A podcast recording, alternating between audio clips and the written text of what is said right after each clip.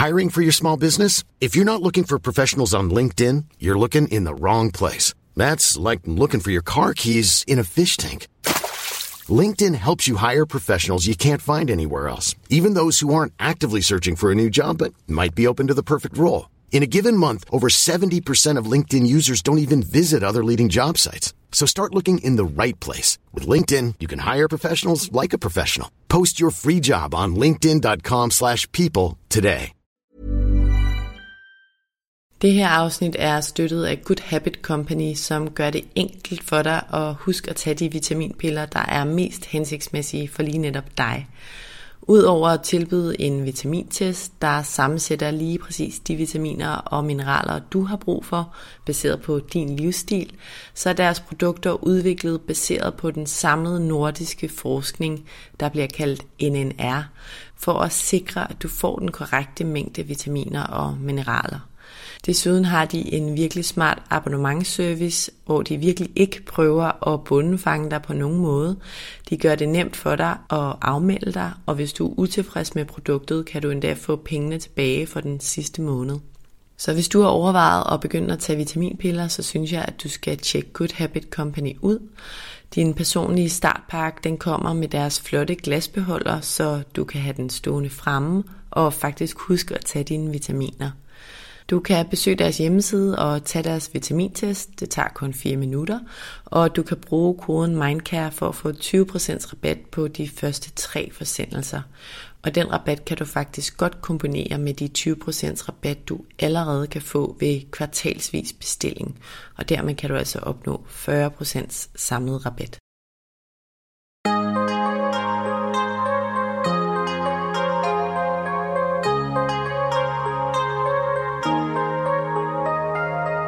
Vores mentale sundhed er nedadgående, og det er til trods for, at vi aldrig har været rigere, aldrig har haft flere muligheder og aldrig har levet længere. Det skal vi tale om. Vi skal tale om alt det, der fylder inde i os. Min erfaring er, at når vi taler højt om de ting, så opdager vi, at der er mange andre, der bøvler med de samme ting. Jeg tror på, at vi kan lære af og inspirere hinanden ved at dele vores sårbarheder, erfaring og viden. Velkommen til Vores Mentale Sundhed, en Mindcare Collective podcast, hvor vi taler om store og små ting, der fylder inde i relateret til mental sundhed. Jeg håber, at du vil lytte med, og at du følger med på min Mindcare Collective profil på Instagram, hvor jeg deler indhold til refleksion, motivation og inspiration. Jeg hedder Lea Helmand. I podcasten i dag har jeg besøg af sociolog, faktisk erhvervssociolog, forfatter og ekspert i blandt andet mentaltræning, arbejdsglæde og taknemmelighed, Rikke Østergaard. Og det har jeg glædet mig rigtig meget til, fordi vi skal nemlig tale om taknemmelighed. Det er et begreb, mange af jer nok er stødt på, og så er det noget, I måske, og jeg vil endda tillade mig at sige forhåbentlig, er det noget, som I har som en del af jeres hverdag. Enten bevidst eller ubevidst. I dag skal vi selvfølgelig tale om, hvad det egentlig er, taknemmelighed kan i forhold til vores mentale sundhed og trivsel, og det glæder jeg mig personligt rigtig meget til. Som altid vil jeg også nævne, at hvis podcasten har værdi for dig, og du gerne vil hjælpe til, at der bliver ved med at komme nye afsnit, så kan du støtte podcast med et valgfrit beløb via MobilePay-nummeret 155503. Du kan finde nummeret i tekststykket under afsnittet her – det betyder rigtig meget. Og hvis du kan lide det, du hører, så bliver jeg også enormt glad, hvis du vil rate podcasten eller anmelde den i din podcast-app. Tusind tak. Velkommen til Rikke Østergaard. Tak. Rikke, jeg er rigtig glad for, at du vil være med i dag i min podcast, fordi det er en, der dykker ned i alt det, der fylder inden i os, først og fremmest både i forhold til personlige erfaringer og sårbarheder, men den dykker også ned i de metoder, teknikker og tilgange, vi kan lære noget af i forhold til at få i hvert fald forhåbentlig lidt mere ud af det her ene liv, vi har på jorden. Det hele handler om, hvordan vi ideelt bliver gladest og sundest og friest muligt i livet, hvilket jeg kunne forestille mig er noget, mange stræber efter. Og i den forbindelse skal vi i dag tale om noget, jeg synes er rigtig interessant, og som du ved rigtig meget om, og det er nemlig taknemmelighed. taknemmelighed sådan helt overordnet for mig, det, det handler om at føle sig ydmyg og glad for det, vi har. Det handler om at sige tak for det, der er, og for det, vi faktisk har, frem for at fokusere på det, vi ikke har. Og det har du skrevet en bog om, som jeg synes er rigtig god, og jeg kan opfordre folk til at læse. Den hedder Tak. Den er meget nem at gå til og har en masse gode reminder i vores travle liv. Den handler om studie omkring taknemmelighed og om, hvad taknemmelighed netop kan gøre ved os og ved vores mindset og ved vores mentale trivsel. Og så handler den om, hvordan og i forhold til hvad vi med fordel og ret nemt kan være taknemmelige i vores liv. Og lige om lidt så springer vi ud i en masse spørgsmål, men inden vi gør det, vil jeg gerne lige præsentere dig. Du hedder som nævnt Rikke Østergaard, du er 45 år. Du har tre børn, dine to egne og en bonusdatter. Så er du uddannet sociolog og arbejder i dag som erhvervssociolog. Så er du også mentaltræner og specialist i at arbejde med stress, samarbejde og arbejdsglæde. Nogle meget spændende emner, synes jeg. Og så er du jo også forfatter. Du har blandt andet tidligere skrevet bogen Sluk Emheden, som handler om, hvordan vi via mentaltræning kan træffe nogle gode beslutninger. Du har også skrevet en bog om følelsesforurening, som også er blevet ret populær, som hedder Vi havde en fest på arbejdet, men så kom præg. Og så har du altså skrevet bogen Tak, der som nævnt handler om taknemmelighed, som vi især skal tale om i dag. Er du klar på, at vi springer ud i det? Jeg er så klar. Dejligt, dejligt, Rikke. Nu nævnte jeg lige her i indledningen det her emne og begreb taknemmelighed og sat nogle ord på det, som måske er ret universelle, men kan du alligevel ikke lige starte med at forklare lytterne og mig, hvad taknemmelighed egentlig er med, med dine ord? Er det en følelse, en tankegang, et mindset, eller hvordan plejer du at forklare taknemmelighed? Det er jo lidt en blanding, fordi at, som jeg altid plejer at sige, en følelse udspringer som regel af en tanke. Så derfor der har vi lidt nøglen til, det kommer vi jo til senere, hvordan kan man så arbejde med taknemmelighed? Der kan man jo arbejde med at ændre sine tanker, men, men man kan ikke bare ændre sine følelser, for den følelse, en dybfølt følelse af at være taknemmelig, det er en følelse, som den førende forsker i taknemmelighed, Robert Emmons, han forklarer, det er en, en følelse af at være forbundet med livet, men det er limen, der binder os mennesker sammen os. Så hvis jeg er taknemmelig for at have dig som ven, og oplever også, at du er taknemmelig for at have mig i dit liv, så har vi et usynligt bånd, der ligesom binder os sammen, og som gør, at vi kan føle os lykkelige. For vi er jo, vi er jo flugtdyr, os mennesker. Så, så det er meget svært at føle sig lykkelig alene. Jeg ved, der er masser af podcast i dag, der fokuserer på, og bøger, der fokuserer på, at nu skal du lære at elske dig selv hvor jeg er sådan lidt, det er, noget, det er lidt noget fis, fordi hvis vi lærer at elske hinanden og, og, og opnår den der taknemmeligheden i vores relationer, så er det meget nemmere at føle sig lykkelig. Jeg siger ikke, at man ikke skal sig selv. Jeg siger bare, at taknemmelighed er et fantastisk redskab til at få det bedre med andre mennesker, og så især sig selv. Så det stammer jo selvfølgelig indenfra. Så. så det jeg hører dig sige er, at det er en følelse, der kommer af nogle tanker, man har, enten bevidst eller ubevidst, og så at taknemmelighed, selvom det er noget, vi også kan føle for vores individuelle ting i vores liv, alligevel har en stor del fællesskab i sig. Det har det. Og du havde faktisk lidt nøglen i starten, da du præsenterede, du sagde en ydmyghed. For det, at taknemmelighed, de tanker, der kan gøre, at vi bliver stresset og ked af det, er jo nogle gange for eksempel tanker om, at vi forventer så meget af os selv, eller andre, eller livet. Og det kan gøre, at man føler, at man ikke er god nok, eller det hele ikke er nok. Hvor taknemmelighed er tæt forbundet med den der ydmyghed om at sige, men nu har jeg gjort det her, det er jeg faktisk taknemmelig for. Eller jeg er trods alt taknemmelig for midt i alt det her, at... Du ved, så det, det er ligesom, at man får det hele lidt ned på jorden, og det er meget nemmere at forholde sig til.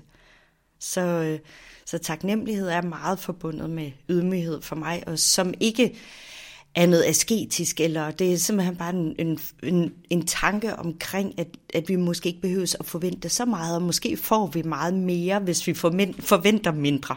Hmm. Jeg har faktisk lige øh, optaget en, en podcast, hvor ham, Stig Pryds, værtrækningsekspert, der er med i sæsonens første afsnit. Han slutter af med at sige, at hans største råd, eller bedste råd, det er det her med at, at være glad for det, der er, og have tillid til, at det er godt nok, som det er. Og når han gør det i hvert fald af hans erfaring, så kommer der faktisk en masse gode ting ud af det. Noget andet, jeg tænker på, når du siger det der, egentlig ikke noget, jeg havde sådan planlagt, at vi lige skulle tale om, men noget, jeg har tænkt over faktisk de sidste par dage især, er det her med, at jeg har rigtig mange forventninger, og det er nok ikke så overraskende, jeg tror egentlig mange moderne mennesker har. Men forleden dag så stillede jeg mig selv spørgsmålet, kan vide, om jeg har for høje forventninger, ikke kun til mig selv, men også til andre. Altså det er jo så nemt at blive skuffet, hvis man har høje forventninger. Og lige der tænkte jeg både i forhold til min kæreste og mine børn, og synes jeg prøver at elske dem for det, de er, og det gør jeg også, men, men jeg kan også godt mærke, at jeg har nogle forventninger, og så er det bare nemt at blive skuffet. Ja, du kan se, at det har lige været sommerferie, ikke? og mange har helt sikkert drømt om, at nu, nu skal vi til Thailand, og så skal vi være lykkelige. Eller altså den der, vi har, nu har vi løbet i hamsterhjulet, men nu skal vi på ferie, og er måske den dårlige samvittighed i forhold til, at jeg ikke har været der nok for børnene, men nu, nu, nu sker det store. Og så sidder man måske i Thailand eller på Bornholm, og den ene er sur over, og den anden er, du ved, ikke? Altså, jeg kender det jo selv min egen familie, så de to af dem, de er vegetarer, og den anden er, du ved, og nogen, de vil, og så sidder man sådan, det var da ikke planlagt, at vi skulle, og at vi skulle bruge så meget energi på, for eksempel, hvor vi skulle spise, eller hvor, hvor jeg kan se, at lykken, den kommer i nogle gange at tænke, hvad er det vigtigste formål med ferien? Ikke? Det vigtigste formål, det er bare, at vi er sammen og så pyt med alt det andet. Alle de der følelser forbundet med, og hvem der, skal, hvem der vil dit, og hvem der vil dat. Bare sige, det kan også være, at det bliver orkan, og det kan være, at det slet ikke bliver, som vi forventede. Og det kan være, at stedet, øh, swimmingpool, som lignede, at den var 30 meter på billedet, den er kun af 5 meter, det gør ikke noget. Fordi hele formålet, det er altså den der med at sænke forventningerne. Vi skal hygge os sammen. Ikke? Og så får vi det sjove ud af det. Ikke? Det er jo altid, vi husker ferien for for de minder. Altså vi husker ferien for den følelse, den gav os. Så hvad er det for en følelse, vi selv er med til at skabe og skabe sammen? Ikke? Ja, det er en god pointe. Og vi kommer lidt tilbage til det der med, hvad vi rent faktisk kan gøre. For det lyder jo også som om, at der er lidt effort i det. Altså det kommer ikke bare af sig selv. Vi skal, vi skal gøre lidt for det her. Måske i hvert fald i starten, indtil taknemmelighed bliver en, en livsstil for os. Men først vil jeg gerne lige høre lidt om, hvad det er, taknemmelighed kan gøre, hvorfor det er sådan en god idé, fordi i din bog, der kommer du ind på en masse positive konsekvenser, der er ved at føle taknemmelighed.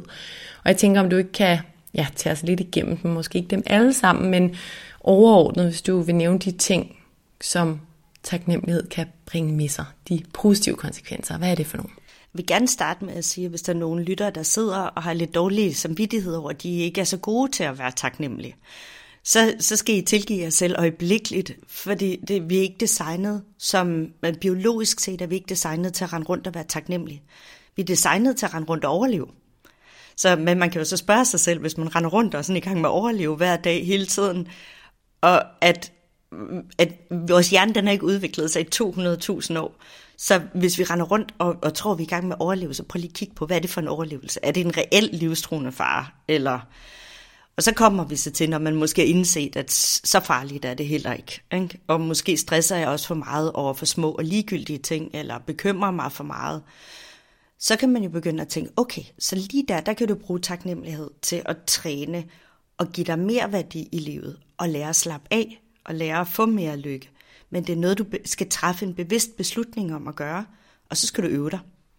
Og det mest mirakuløse, det er jo, når vi er taknemmelige, lige det øjeblik, hvor vi er taknemmelige, der kan vi ikke producere stresshormoner.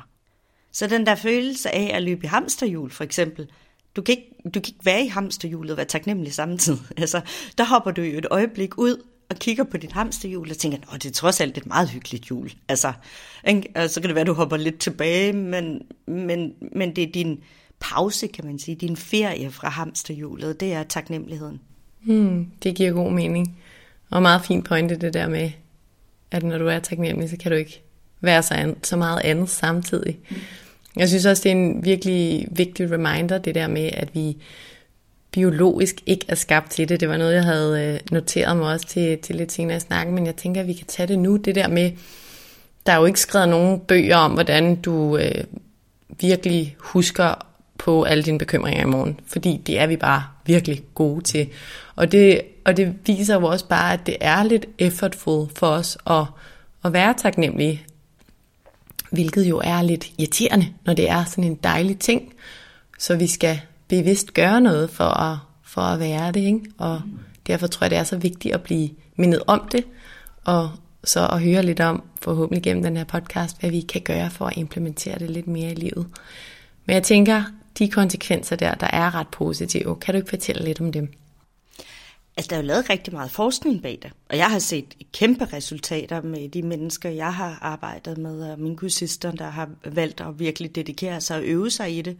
Og det kræver faktisk ikke ret meget. Det kan stadigvæk være rigtig svært at få ind i hverdagen. Men hvis man får det ind i hverdagen og øver sig, så har det jo kæmpe konsekvenser. Jeg kan blandt, der er blandt andet lavet kæmpe forskningsforsøg, hvor man øh, bad over 1000 mennesker om at skrive taknemmelighedsdagbog, før de gik i seng. Bare skrive tre ting ned, de har været taknemmelige for i dag. Og så lavede man en kontrolgruppe, der skulle skrive tre neutrale ting ned, altså bare ting, de havde øh, oplevet i dag.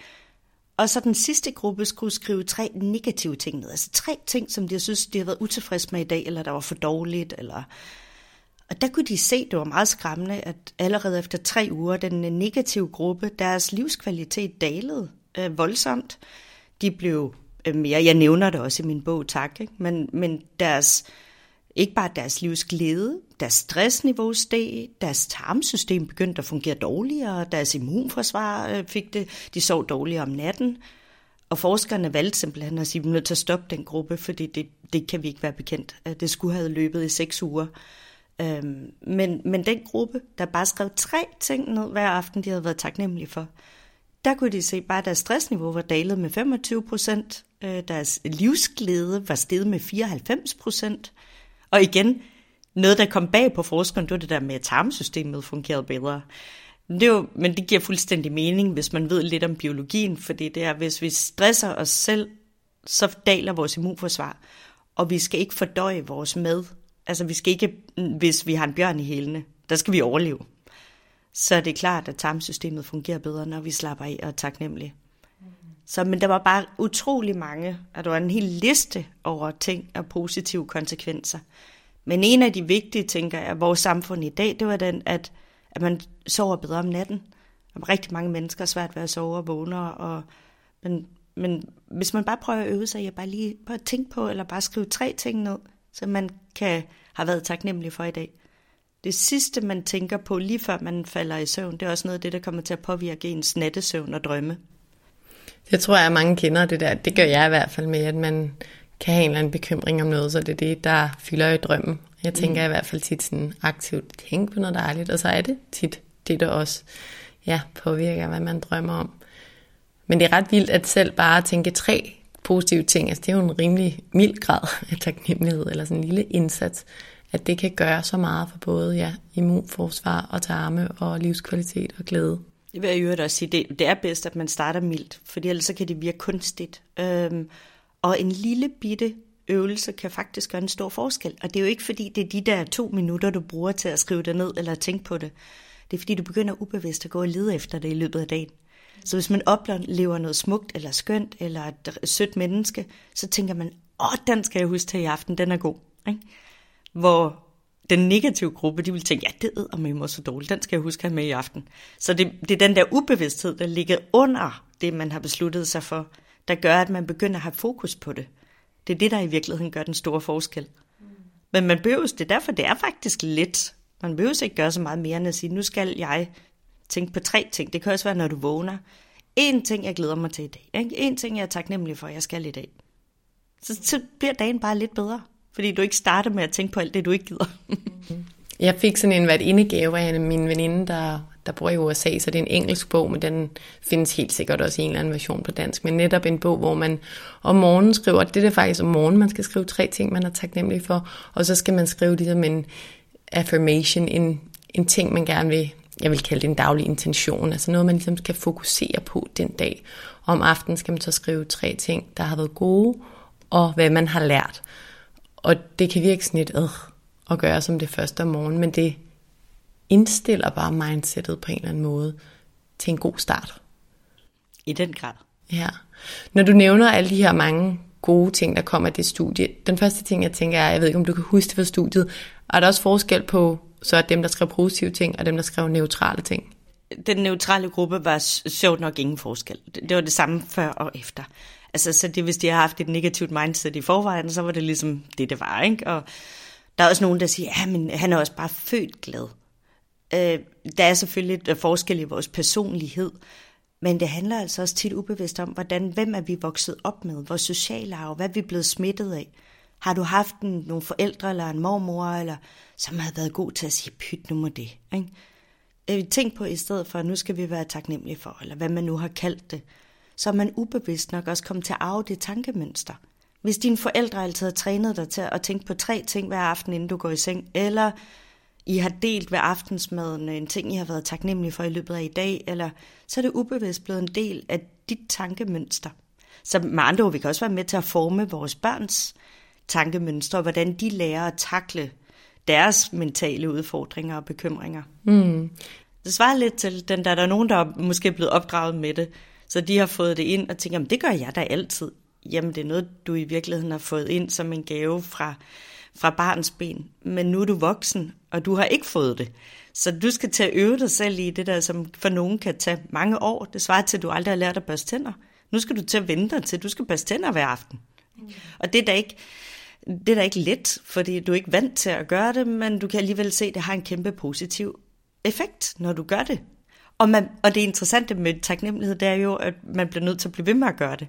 Jeg prøvede lidt efter, at jeg havde skrevet tak, så tænkte jeg, hold da op, hvor har jeg bare trænet taknemmelighed, og hvor har jeg, altså nu kan jeg det bare, ikke? Nu er den der. Og så, så droppede jeg lidt at fokusere mere på det, og begyndte at fokusere på andre ting. Og det er sjovt, det føles lidt ligesom, hvis jeg stoppede med at børste tænder. Jeg kunne mærke, at mit eget mindset begyndte at blive lidt forurenet igen. Jeg begyndte igen at tænke lidt negativt, eller være sådan, øh, eller...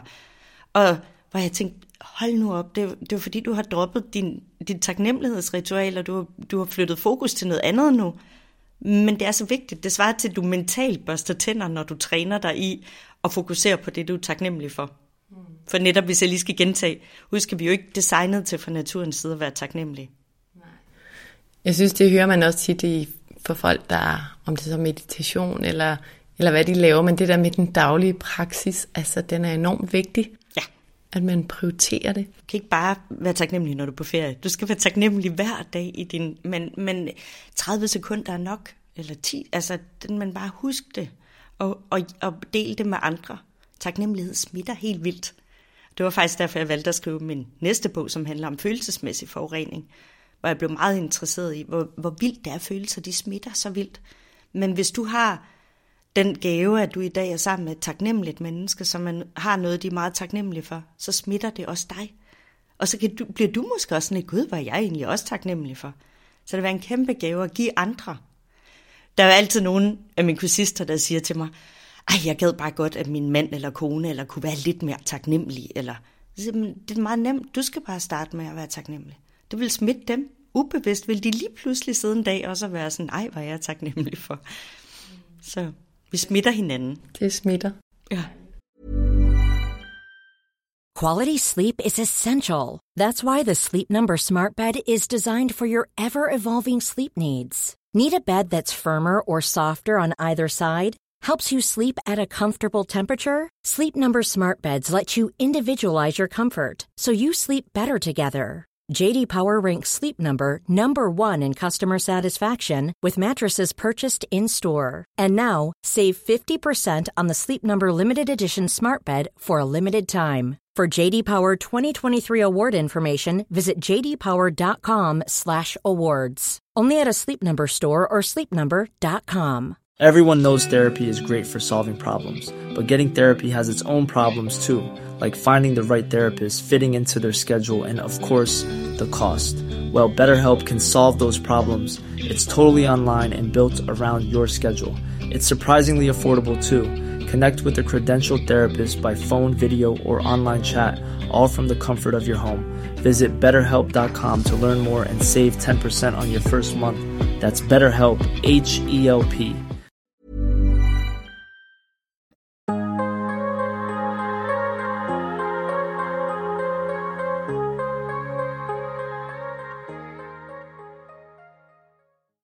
Jeg har noteret her også som øh, ja, resultat af at læse bogen, at øh, konsekvenser er, at du har været inde på dem alle sammen, tror jeg. Men nu nævner jeg dem lige her. Et styrket immunforsvar, et bedre humør, en højere indkomst faktisk også, står der i nogle studier. At man tiltrækker flere mennesker og flere muligheder. Mindre stress, altså færre stressrelaterede sygdomme, bedre nattesøvn og bedre hukommelse. Det lyder jo rigtig godt. Kan man sige noget om, hvor taknemmelig man skal være? Altså nu siger du det her med 10 sekunder er nok. Er det bedre at være taknemmelig to timer om dagen end 10 sekunder, eller hvordan hænger det sammen? Det er faktisk, jeg har arbejdet meget med meditation også, og al forskning omkring meditation siger, at der er ikke, der er ikke nogen forskel. Altså, selvfølgelig er det rigtig godt at træne to timer om dagen, men meditation handler ikke om tid, det handler om at tilstedeværelsen i nuet.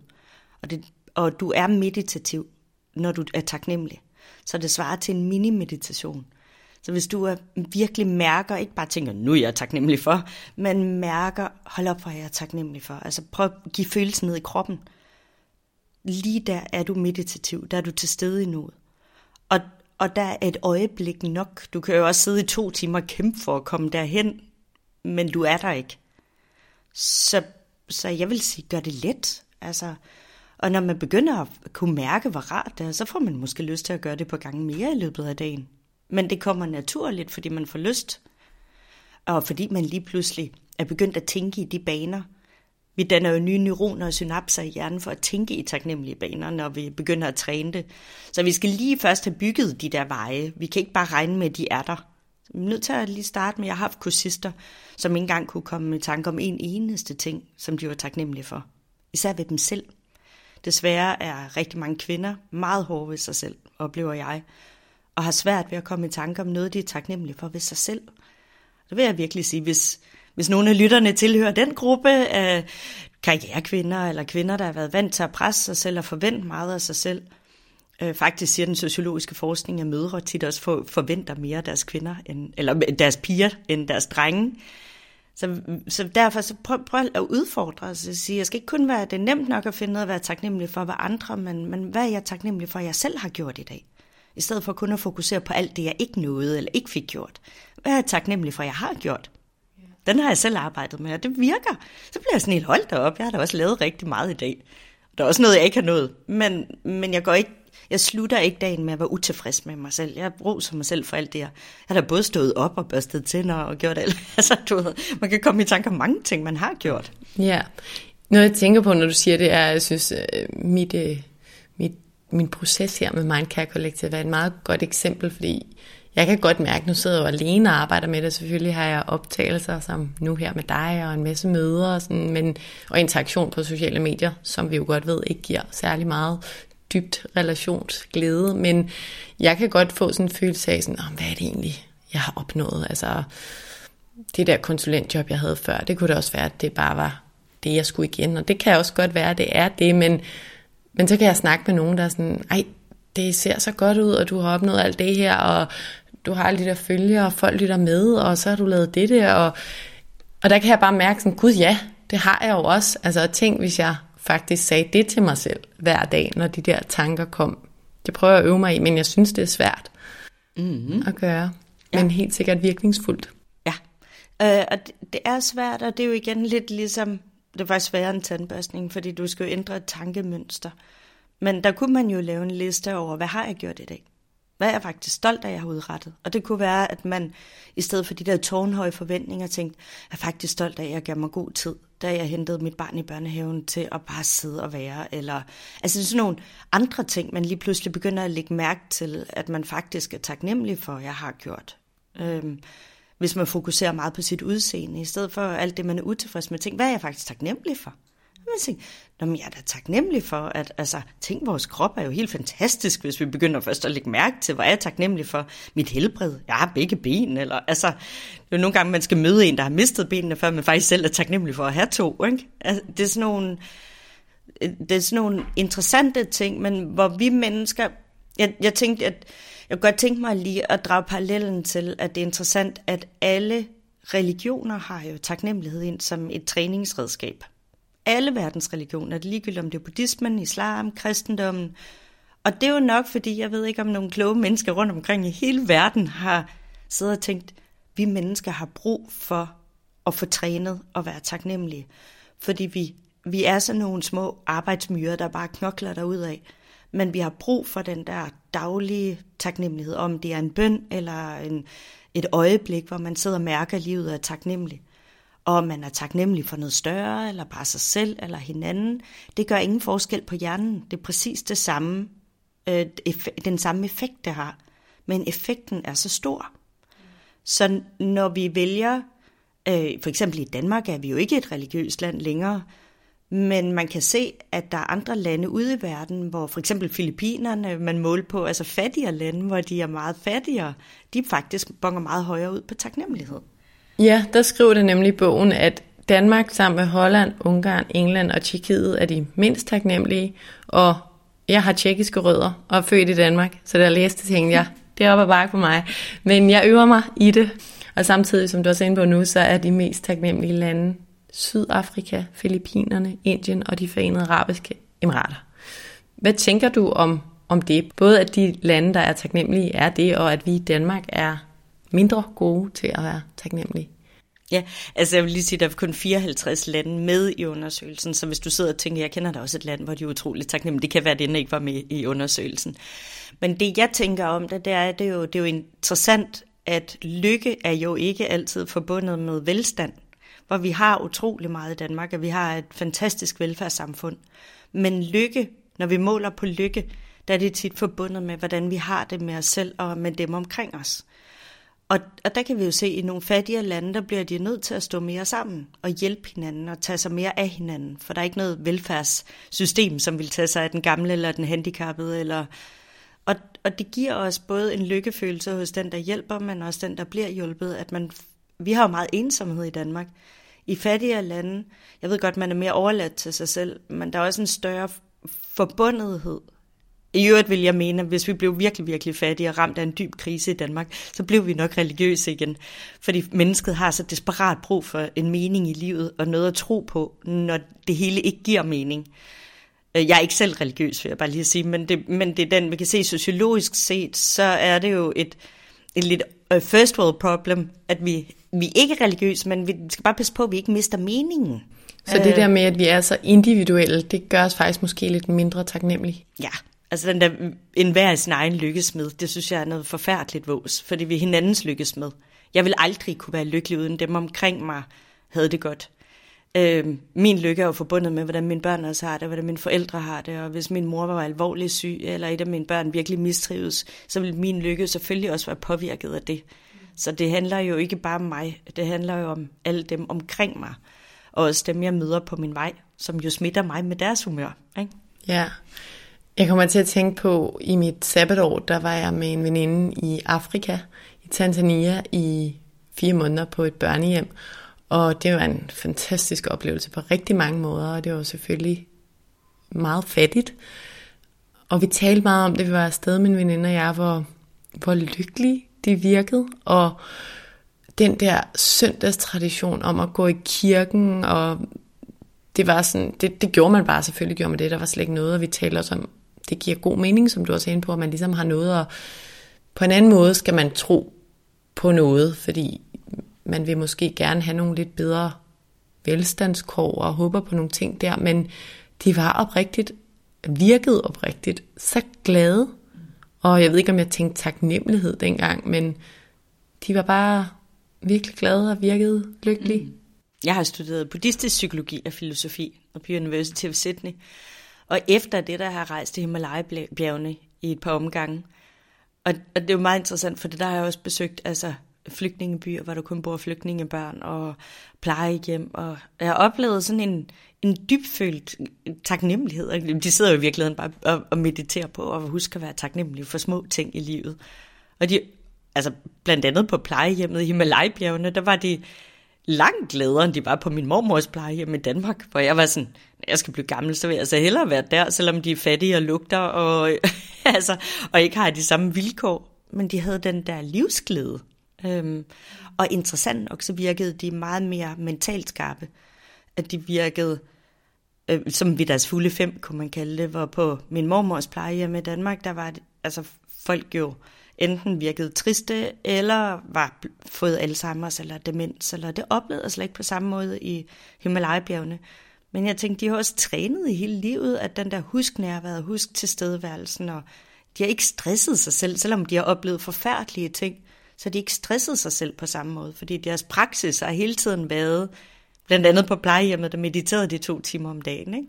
Ja, og du så nævner det... det her med meditation, som også var et, øh, et spørgsmål, jeg havde med til dig. Du nævnte det selv lidt før, lidt tidligere, mm.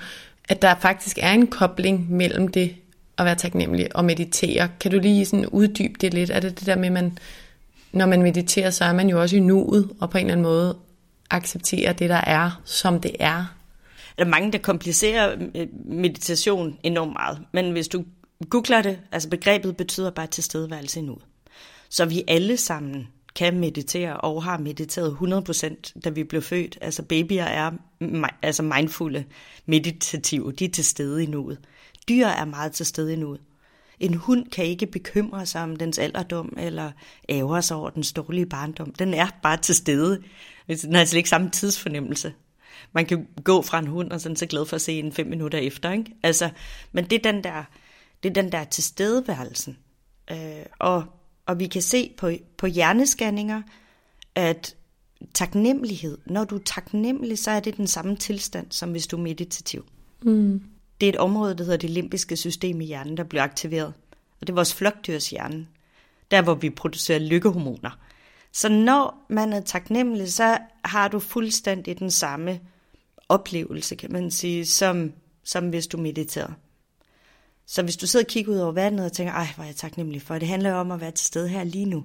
Taknemmelig for at være her lige nu. Ikke? Så lige det øjeblik, der giver du slip for stress og ja. Min mand, han snorker enormt meget. Ikke? Altså nogle gange, hvis det virkelig irriterer mig, at jeg ikke kan sove, så havde jeg besluttede mig for at tænke, den der, at bruge taknemmelighed, men tænke, vil du hellere undvære? Altså, vil du hellere have, han ikke var der, og du bare boede alene, og så blev du ikke vækket om natten? Og så blev jeg sådan lidt, nej, selvfølgelig vil jeg ikke det. Og så var jeg sådan, nå, så er jeg faktisk ret taknemmelig for, at han ligger der. Men det betyder ikke, det kan godt være, at jeg alligevel gik ind på sofaen og lagde mig, eller, men stadigvæk, jeg, ikke, jeg bruger ikke energi på at være irritabel eller stresset over det. Jeg tænker, det er jo et valg, jeg selv har truffet. Jeg er sammen med ham, med, med, med det gode og det mindre gode, og at han snorker er jo ikke noget, han gør for at genere mig. Men det, den, men det kunne godt have kommet til at fylde enormt meget, og jeg kunne have bebrejdet ham, når han vågnede, at nu har jeg heller ikke sovet i nat, fordi du har snorket. Men det hjælper taknemmeligheden. Ligesom hvis jeg satte mig og mediterede på, at nu er du bare her lige nu. Men den der med at tænke over, hvad er det, ikke kun tænke på det negative ved de mennesker, du har omkring dig, men tænke på, hvorfor er det, jeg har dem, og vi er i virkeligheden. Det kan også være dine børn, der sviner og råder, og man bliver enormt irriteret på dem. Så tænker man, du kan også have valgt at lade være med at få dem. Du kan have en bog om børn, og tænke, gud, hvor de sviner og råder. Og så besluttede sig for, at jeg alligevel have dem. Og hvis man så tænker, ja, det vil jeg selvfølgelig, jamen, så, så det er jo, altså du må tage det sure med det søde børn, de sviner og ruder en gang imellem. Det betyder ikke, at du skal bare tænke, nå, men så skal de bare have lov til det. Nej, men det er bare, det er en dag forhåbentlig kan det være, at de ikke gør det mere, men, men lad være med at bruge energi på at blive så irriteret. Fix problemer. Det er virkelig noget, jeg har lært af buddhisterne at arbejde med dem om man kan kalde det meditation eller taknemmelighed. Men at selektere i mine problemer og mine bekymringer og kigge på, er det noget, jeg kan gøre noget ved, eller noget, jeg ikke kan gøre noget ved. Men lad være med at bruge energi på noget, du alligevel ikke kan gøre noget ved. Jeg tror, at øh, det... Undskyld, jeg afbryder, ja. men jeg havde øh, Niels Overgaard med i afsnit 11 af sæson 1, som har skrevet bogen Det hele handler ikke om dig med de fem historiske livsprincipper, og jeg er kæmpe fan af den bog. Og et af hans råd, som jeg virkelig også har taget med mig, er også det, du siger nu, det med, at der findes konstruktive og destruktive bekymringer, og rigtig mange af vores bekymringer er destruktive, og det er nogen, vi ikke kan gøre noget ved. Så enten så gør noget ved dem, og ellers så drop dem, for det er jo simpelthen så spild af tid, ressourcer, nærvær, et øh, god stemning. Det er simpelthen spild af tid, og 80% af vores bekymringer bliver ikke til noget. Og det er bare tankevækkende, ikke? Stoicismen minder jo utrolig meget om mange af de buddhistiske principper. Og det er ret interessant, for historikerne levede jo på præcis samme tid som øh, Buddha, siger man. Ikke? Som øh, en sjov ting, at Buddha han drønede rundt i hele Asien. Der kan vide, om de ikke mødtes på et tidspunkt, der har siddet og udvekslet idéer, for det minder utrolig meget om hinanden. Og ligesom du siger med religionerne, er det jo også så fint, at rigtig mange af de der ting, jeg i hvert fald synes giver mening, de, de går igen rigtig mange steder, bare formidlet på måske lidt i lidt forskellige formater. Og de er et godt eksempel på, at man har vidst det her i hvert fald 2.500 år, måske mere, men det er ikke let. Fordi dengang tak udkom, så blev den anmeldt i Berlinske, og så skrev Eva Selsing, der anmeldte den, jeg var på forsiden øhm, af webavisen, med kæmpe billeder af hende og mig, hvor der stod, der er ikke meget at takke for, hvor jeg var sådan. Så skriver hun, og heldigvis øh, mente hun, at den var godt skrevet, og hun var fuldstændig enig i alt det, jeg skrev, men hun skrev, at hvis det er så let, som Rikke Østergaard skriver, så havde vi for pokker allerede gjort det. Og det er jo hele pointen. Det er ikke let. Hvis det var let, så havde vi da, så havde vi da ikke brugt to og et halvt, år, år til at stadigvæk være lige så håbløse. Men det er fordi, det er menneskets grundnatur at bekymre sig og kigge efter, om der er far på færre. Så det kræver individuel og samfundsmæssig træning at, at huske sig selv på det her. Så det er ikke let, men det lyder utrolig let. Og derfor så er der også nogen, der kunne høre den her podcast, og sidde og tænke, ej, hvor er jeg også bare dårlig til det, eller jeg burde da bare få taget mig sammen. Lad være med det. Bare tænk over, hvad, hvad kan jeg være taknemmelig lige for lige nu? Men det er ikke let at begynde at træne sig selv til det. Og Historikerne vidste og buddhisterne vidste, og alle mulige andre religioner har vidst det, men det betyder ikke, at det er let. Vi skal træne os selv dagligt. Hmm. Noteret. Synes du, at du nogle gange møder den her opfattelse af, at taknemmelighed kan være sådan lidt smånaivt? Altså jeg synes nogle gange, man møder det der med, der sådan en opfattelse af, at det er sådan lidt, jeg ved ikke, om man kan kalde det lallende tilgang til verden, men sådan, du kan da ikke bare skubbe alt det, der er kritisk og besværligt væk, og så være glad for det, der er. Er det, er det noget, du møder? Ja, altså, det møder jeg rigtig tit, den der, skal vi så bare være lalleglade? Og nej, overhovedet ikke. Men du kan godt være taknemmelig. Jeg har brugt taknemmelighed i at miste mennesker, jeg holdt af. Øhm, blandt andet har jeg mistet min lillebror, hvor jeg tænkte, i stedet for at sidde og ære mig over, at han ikke er mere, og være ked af det, og så tænkte jeg, jeg vil øve mig i at være virkelig taknemmelig for, at jeg har haft ham i mit liv. Jeg vil være taknemmelig for alle de gode øjeblikke. Jeg vil prøve at finde alt, der giver mening og taknemmelighed i forhold til, også i forhold til hans død hvor det, hvor det virker. Når jeg tænker på ham, så tænker jeg, at det har hjulpet mig til også at huske alle de positive oplevelser med ham. Hvor, øh, hvor, så det, så det, det er der ikke nogen, der kan sige, at det er godt. Altså, dødsfald er ikke gode, men du kan bruge taknemmeligheden til selv at arbejde med det og komme igennem krisen.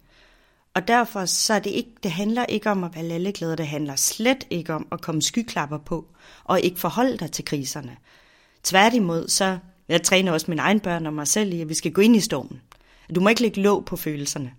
Min datter havde forfærdelig kærestesover her for et år siden, hvor jeg sagde til hende, du må ikke, hun siger, mor, jeg plejer at kunne lægge låg på mine følelser, så siger hun, det må du ikke her, for det gør så ondt, så du skal gå ind i stormen, men jeg står her sammen med dig. Vi står i stormen sammen, ikke? Og det handler ikke, så det er den der balance, der er så svær, øh, om at ikke dyrke følelserne, men heller ikke at fornægte dem men stå i stormen. Ligesom du står som sådan en klippe midt i stormen i uværet. Så du prøver ikke at tvinge dig selv til at være glad. Du skal ikke være glad for, at du har mistet den, du elskede. Du skal heller ikke være, være at dyrke, at, at hvor forfærdeligt det er, men stå i, at det her det gør ondt, og jeg går igennem det. Og så vil man kunne se, at man faktisk også kommer hurtigt ud af en krise, men det er ikke fordi, man gør det for at komme hurtigt ud af den. Man gør det bare for at kunne dele med følelserne.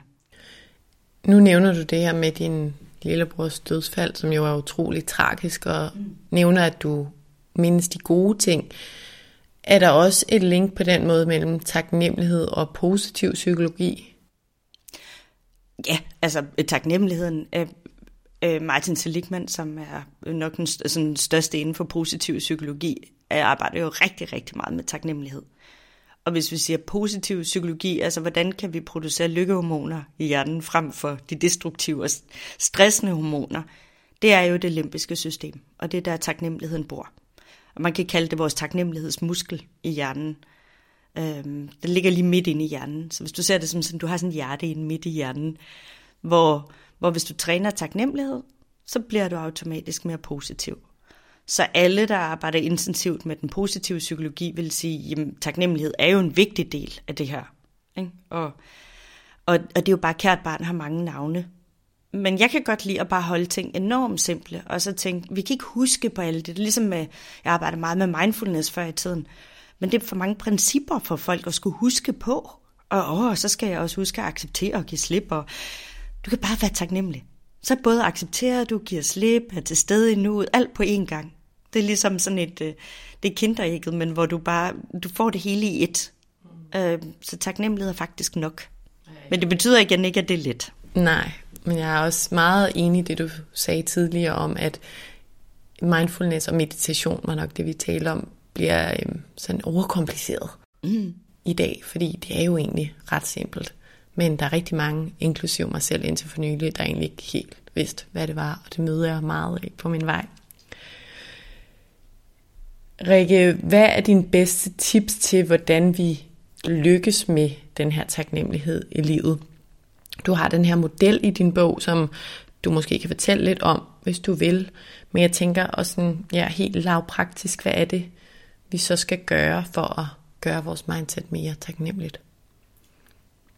Jeg har sådan en model, der hedder taknemmelighedshjulet, hvor den er egentlig inspireret af, at øh, jeg forskede i lykke, eller sad og skrev bachelor om identitetsskabelse, og hvad gør mennesker lykkelige nede på University of Sydney for nu rigtig mange år siden.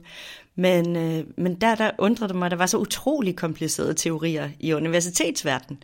Og så faldt jeg over et citat af Dalai Lama, som er god til at forklare ting enormt simpelt. Det elsker jeg. Øhm, hvor han siger, at lykke er meget simpelt. Du er et lykkeligt menneske, hvis du er taknemmelig for den, du selv er, dem, du er sammen med, det, du har, og der, hvor du er. Lidelsen, ulykken opstår lige så snart, at du gerne vil være en anden, end du er, men det kan du ikke være. Eller du vil gerne have nogle øh, andre venner, eller pænere kærester, eller kollegaer, eller, men det kan du ikke lige nu. Eller du vil gerne have en dyre bil, men det har du ikke råd til. Eller altså den der lidelsen, hvor du hænger, jeg vil gerne bo i et varmere land, men det kan jeg ikke komme til lige nu. Så den der lidelsen, der er forbundet med at være et sted, eller være i noget, som du ikke har lyst til at være i. Øh, hvor jeg var meget inspireret af det, og derfor lavede jeg taknemmelighedshjulet, som handler om, at, at du er lykkelig hvis, altså taknemmelighedshjulet, det er delt op i fire dele. Den jeg selv er, dem jeg er sammen med, det jeg har, og der hvor jeg er. Og det er så bygget op om fire kapitler, hvordan man kan arbejde med det. Og hvis man har en rigtig dårlig dag og tænker, ej, jeg kan bare, altså, det er ligesom det hele er, er skidt i dag, øh, så kan man gå ind i taknemmelighedshjulet og kigge på, så hvad, hvad er det i virkeligheden, det handler om? Er det, at jeg er utilfreds med mig selv? Jeg vil sige, den er primær i det danske samfund. De fleste øh, er tit utilfredse med sig selv, og så, så medfører det, at man også nemmere bliver utilfreds med andre, er utilfreds med det, man har, og måske også er lidt utilfreds med der, hvor man er. Ikke? Det kan både være, hvor man bor, eller det land, man er i. Eller karrieremæssigt, hvor man er. Karrieremæssigt, hvor du er henne i livet. Ikke? Og, og, og, og så bare koge det ned til det. Er altid den der med at prøve at gøre det simpelt, og sige, hvad er det i virkeligheden, jeg Hvad er det for at sige om min lidelse? Er det en, hvad, hvilket er altid et af de fire områder? Så hvilket et af områderne hører det hjemme i?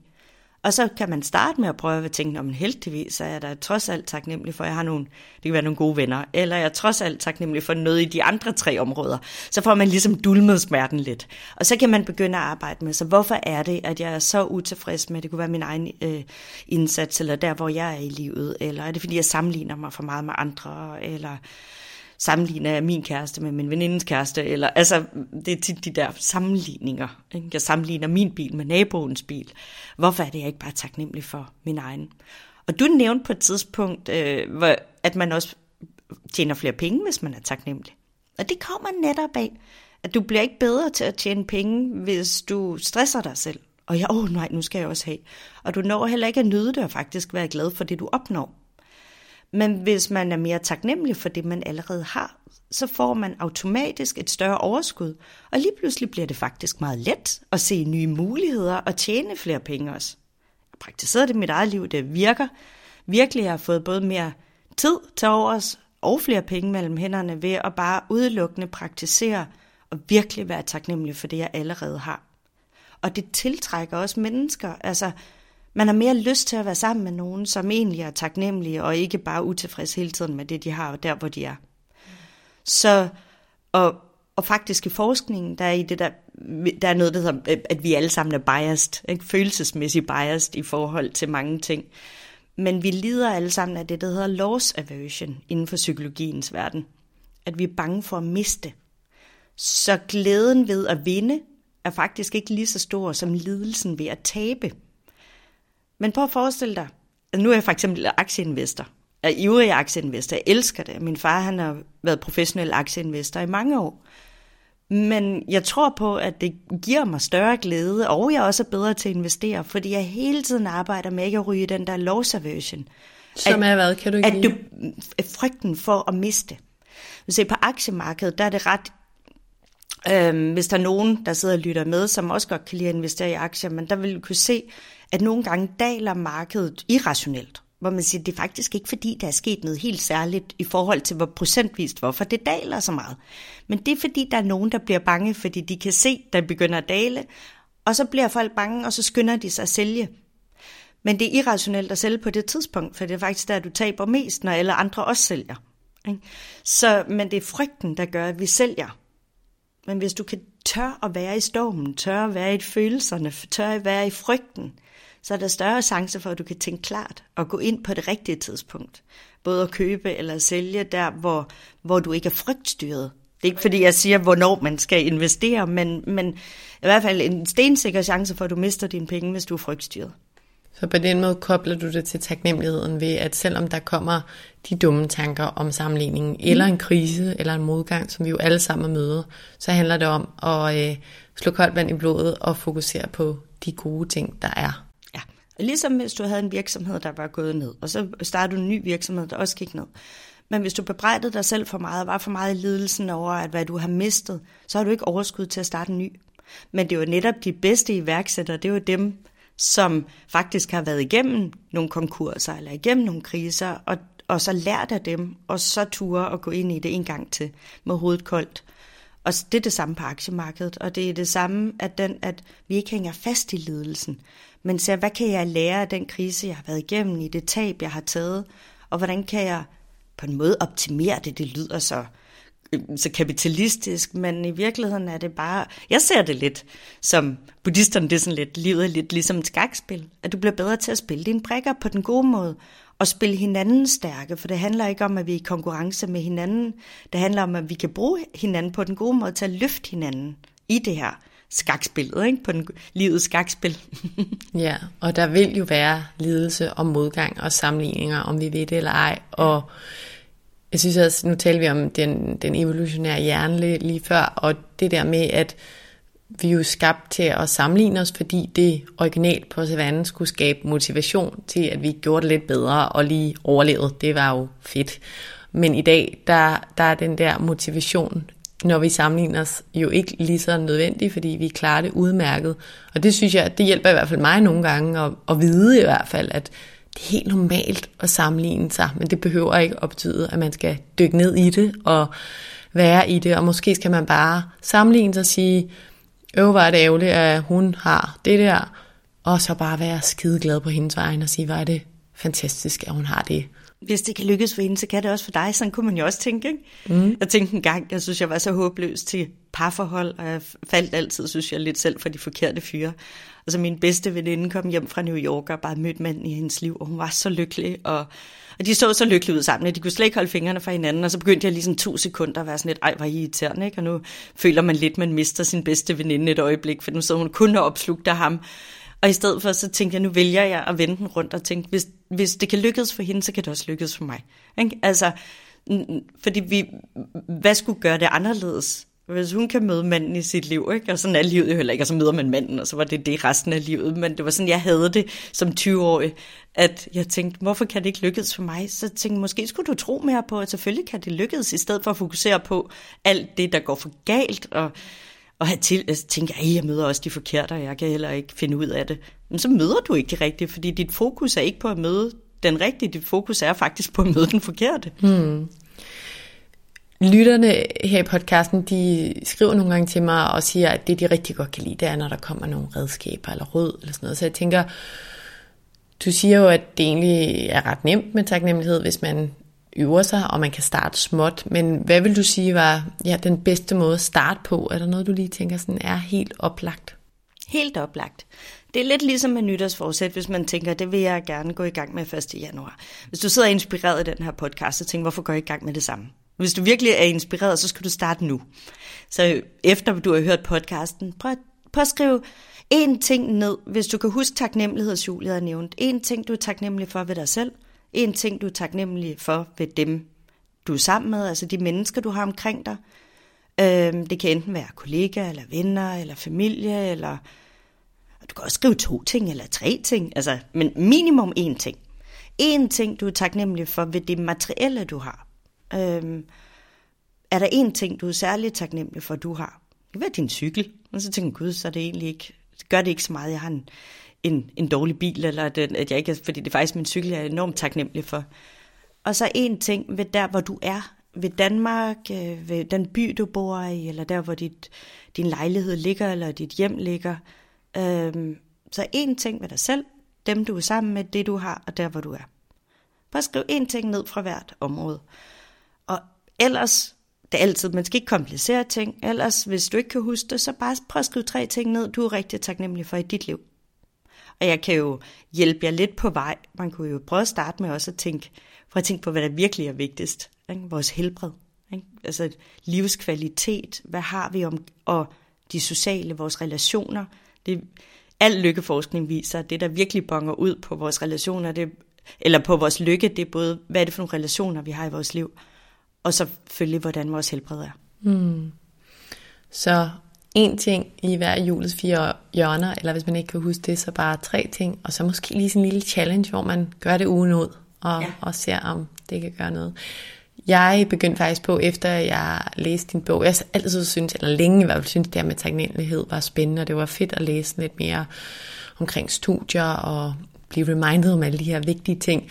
Men der er jeg begyndt øh, et taknemmeligheds tirsdag koncept som jeg også deler lidt ud om. Selvfølgelig skal vi ideelt være det hver dag, men virkelig om tirsdagen, jeg har det også inde i min kalender, så prøver jeg lige at være ekstra taknemmelig dagen lang. Og jeg mener også, det kom fra din bog, øh, en case med en, der satte sig for, og jeg kan ikke huske, om det var hver dag eller hver uge, at skrive et brev til en eller anden, han i løbet af livet havde været taknemmelig for. Og det kunne være et postbud, der for fem år siden leverede en pakke i, i rigtig tid. Altså sådan nogle ting. Og det prøver jeg også om aftenen lige at skrive til en. Det kan være en, jeg har været sammen med i løbet af dagen, eller en god veninde, der bare fortjener et tak, eller en, der gang hjælper med en kontrakt, da jeg, der var en ting, der var lidt svært, og de der ting, og det, det synes jeg altså er et ret, en ret dejlig ting. Det er en fantastisk øvelse, og det er netop fra bogen, men det var en amerikaner, som skrev sig ud af en depression, han har fået efter sin skilsmisse, hvor han har mistet sit arbejde og sin kone. Øh, og besluttede sig for, at han hver dag ville skrive et brev til en, han havde mødt på sin vej i livet, og skrive tak for det. Og prøv at lægge mærke til det, hvis I tænker på alle de mennesker, I mødt på jeres vej. Jeg laver den med, jeg har nogle bankfolk, jeg arbejder med, som for bankfolk er generelt tit meget stresset. Det er der mange mennesker, der i øvrigt er. Men jeg har lavet en øvelse på nogle kurser, jeg laver med, med især banker, hvor de skal skrive et brev til en, de har mødt på deres vej, og det skal ikke være deres, altså det skal ikke være deres forældre, det skal ikke være deres allernærmeste, det skal være måske en, de ikke har kendt i så lang tid i deres liv, men som stadigvæk har haft en betydning for deres liv. Og så skal de skrive, hvad er det personen helt konkret har sagt eller gjort, som har haft en betydning, og hvilken følelse har det givet dem, og hvilken betydning har det haft for dem i deres liv. Og jeg har altså set Øh, store fuldvoksne mænd sidder og bryder grænne sammen, når de kommer til, når de skal fortælle, hvem har jeg skrevet til. Og det, det er ofte for eksempel bare en matematiklærer, som troede på dem. Nu arbejder de i en bank, ikke? Som, hvor de sagde, at jeg havde faktisk øh, ingen social arv, eller jeg havde ingen odds for at komme til at klare mig godt i livet, men jeg havde en matematiklærer, der troede på mig og sagde, du æder med mig god til tal. Og han fik mig til at tro på, at det kunne jeg finde ud af. Og derfor har jeg nu et, det her job.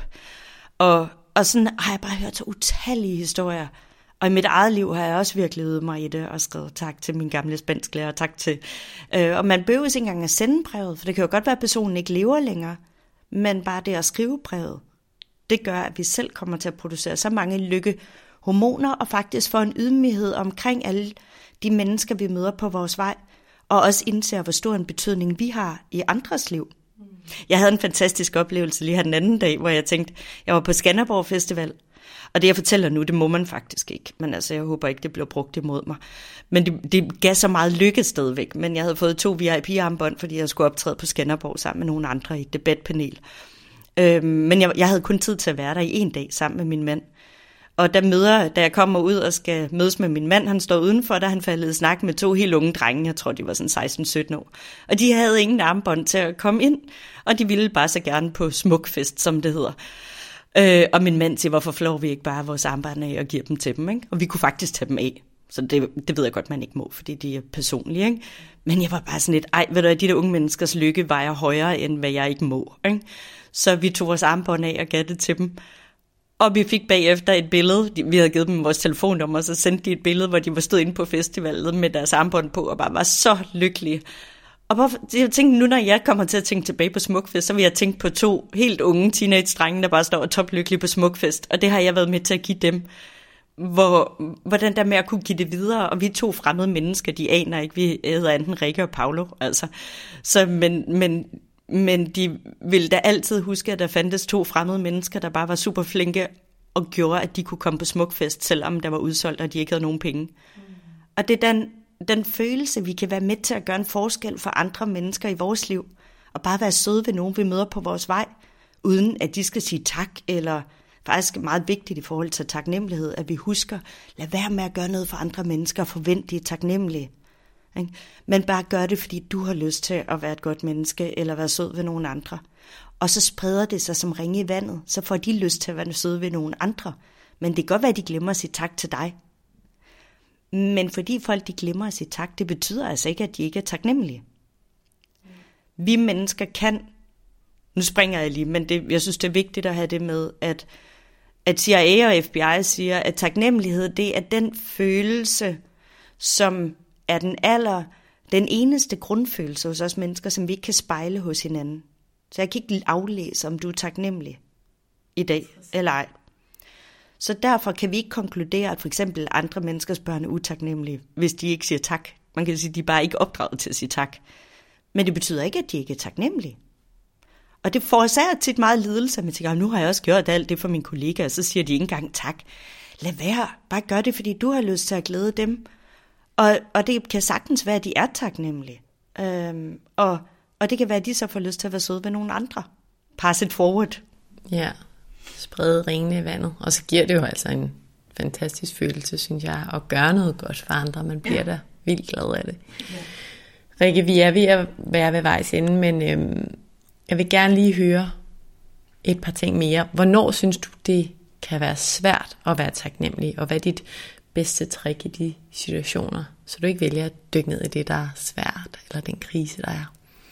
Jeg har selv absolut sværest ved at være taknemmelig, når jeg er for presset.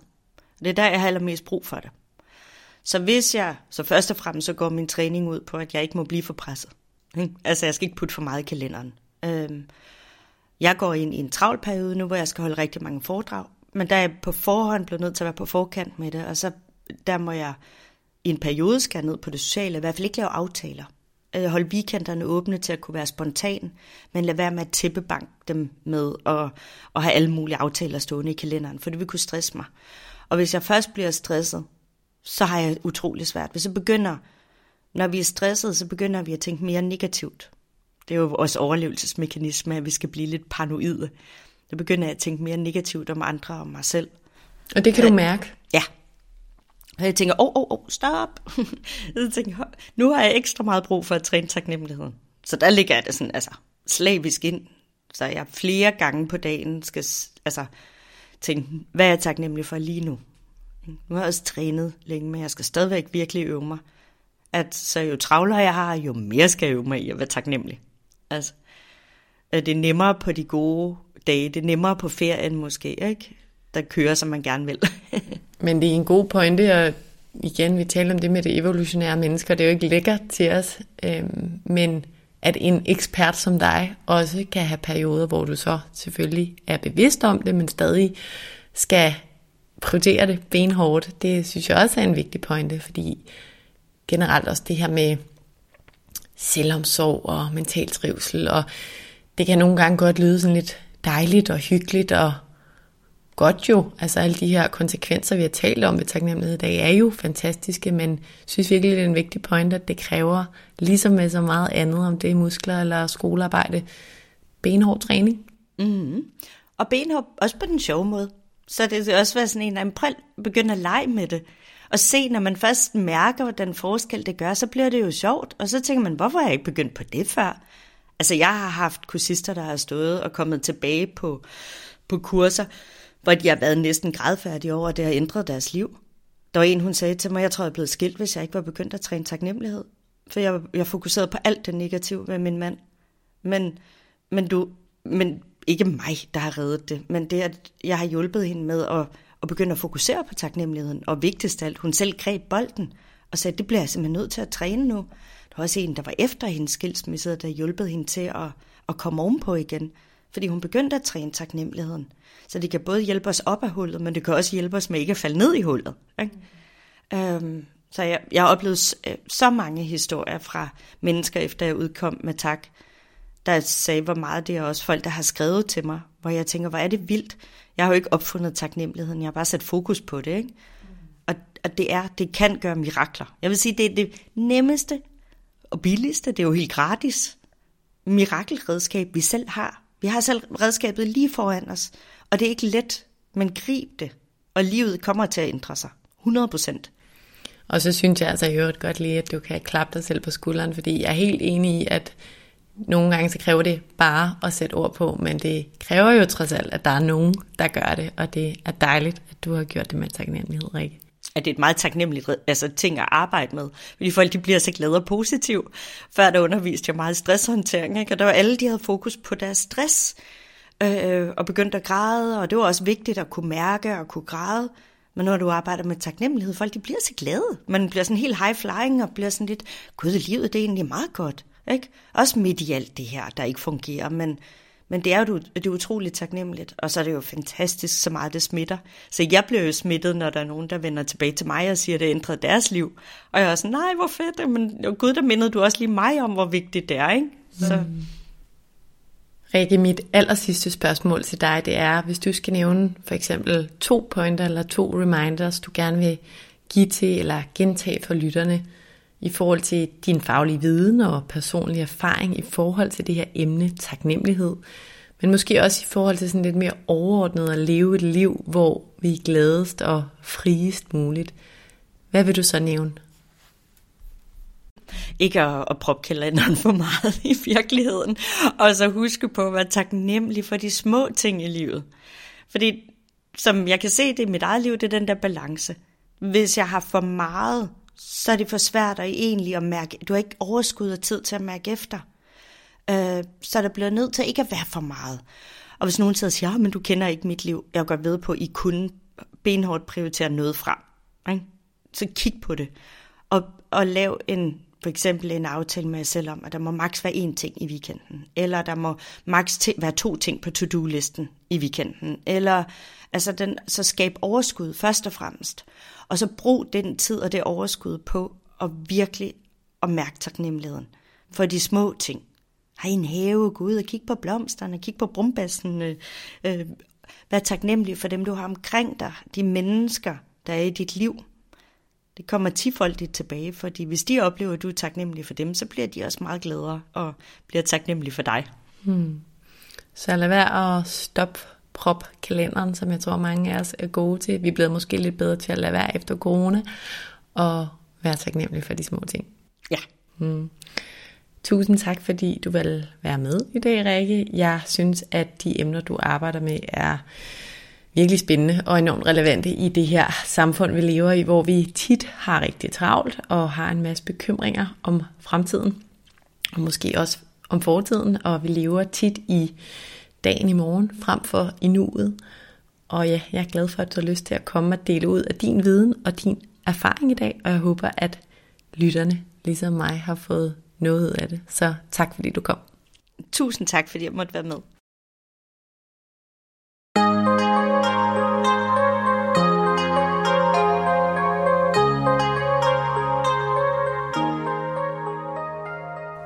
Jeg synes, at det er så vigtigt, at Rikke minder os om, hvor relevant og egentlig hvor fantastisk taknemmelighed er. Det er klart, at vi skal huske, at det kræver noget af os at føle taknemmelighed, fordi vi ikke evolutionært er kodet til at have det som default at føle den her taknemmelighed. Men når studier viser, at taknemmelighed har så mange positive konsekvenser, som ja, vi var inde på det i afsnittet, men som for eksempel øget livsglæde, færre stressrelaterede sygdomme, bedre søvn, bedre hukommelse, bedre fordøjelse, bedre immunforsvar. Studier viser, at taknemmelige mennesker tjener flere penge og tiltrækker flere gode ting og flere mennesker, så kan jeg faktisk kun se grunden til, at vi bør øve os i at være taknemmelige. Også selvom vi nogle gange glemmer det, og det kan være svært, når livet ser lidt sort ud. Jeg er selv personligt blevet ret glad for mit taknemmelighedstirsdagskoncept, koncept, hvor jeg altså husker at være ekstra taknemmelig. Det gør jeg gennem reminders i min telefonkalender, og så skriver jeg om tirsdagen om aftenen altid tak til en ven eller bare til en bekendt, der har gjort noget, jeg er taknemmelig for. Og så øver jeg mig også i at huske de der tre ting hver dag, jeg er taknemmelig for. Og det prøver jeg at gøre sammen med min familie.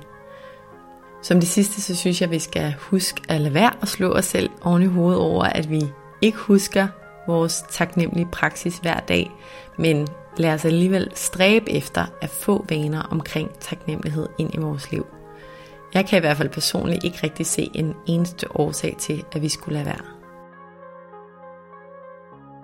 Og så en lille note om næste uges afsnit, der på sin vis handler om noget helt andet, end det vi har talt om i dag, og alligevel er der faktisk en kobling. Jeg får to unge, seje kvinder på besøg. To kvinder, der i 30'erne har oplevet at have kraft. Den ene er stadig syg med kraft, den anden er kraftfri i dag, og vi taler om, hvordan de her kraftforløb har ændret deres perspektiv på livet, og vi taler om, hvordan de lever med den her sygdom og modgang, som livet har budt dem. Det kan du høre mere om i næste uges afsnit. Tusind tak, fordi du lyttede med i dag. Hvis du kunne lide det, du hørte, så håber jeg, at du vil trykke på subscribe-knappen, så du altid ved, hvornår der udkommer et nyt afsnit. Du må også meget gerne rate podcasten her og skrive en kommentar i kommentarfeltet herunder, hvis du har noget på hjerte. Du er som nævnt også altid meget velkommen til at støtte podcasten her med et valgfrit beløb, hvis du kan lide det, du hører og gerne vil høre mere som det. Det kan du gøre via MobilePay til nummeret 155503, som du også finder i tekststykket herunder. Som det aller sidste, så vil jeg også opfordre dig til at skrive til mig, hvis der er nogle særlige emner, du rigtig gerne vil høre om i relation til mental sundhed og til det, der fylder inden i os. Enten fra et ekspertperspektiv eller igennem en personlig beretning. Skriv til mig via min Instagram-profil, Mindcare Collective, hvor jeg i øvrigt håber, at du følger med, eller skriv til mig via min hjemmeside mindcarecollective.com. Tak fordi du lyttede med.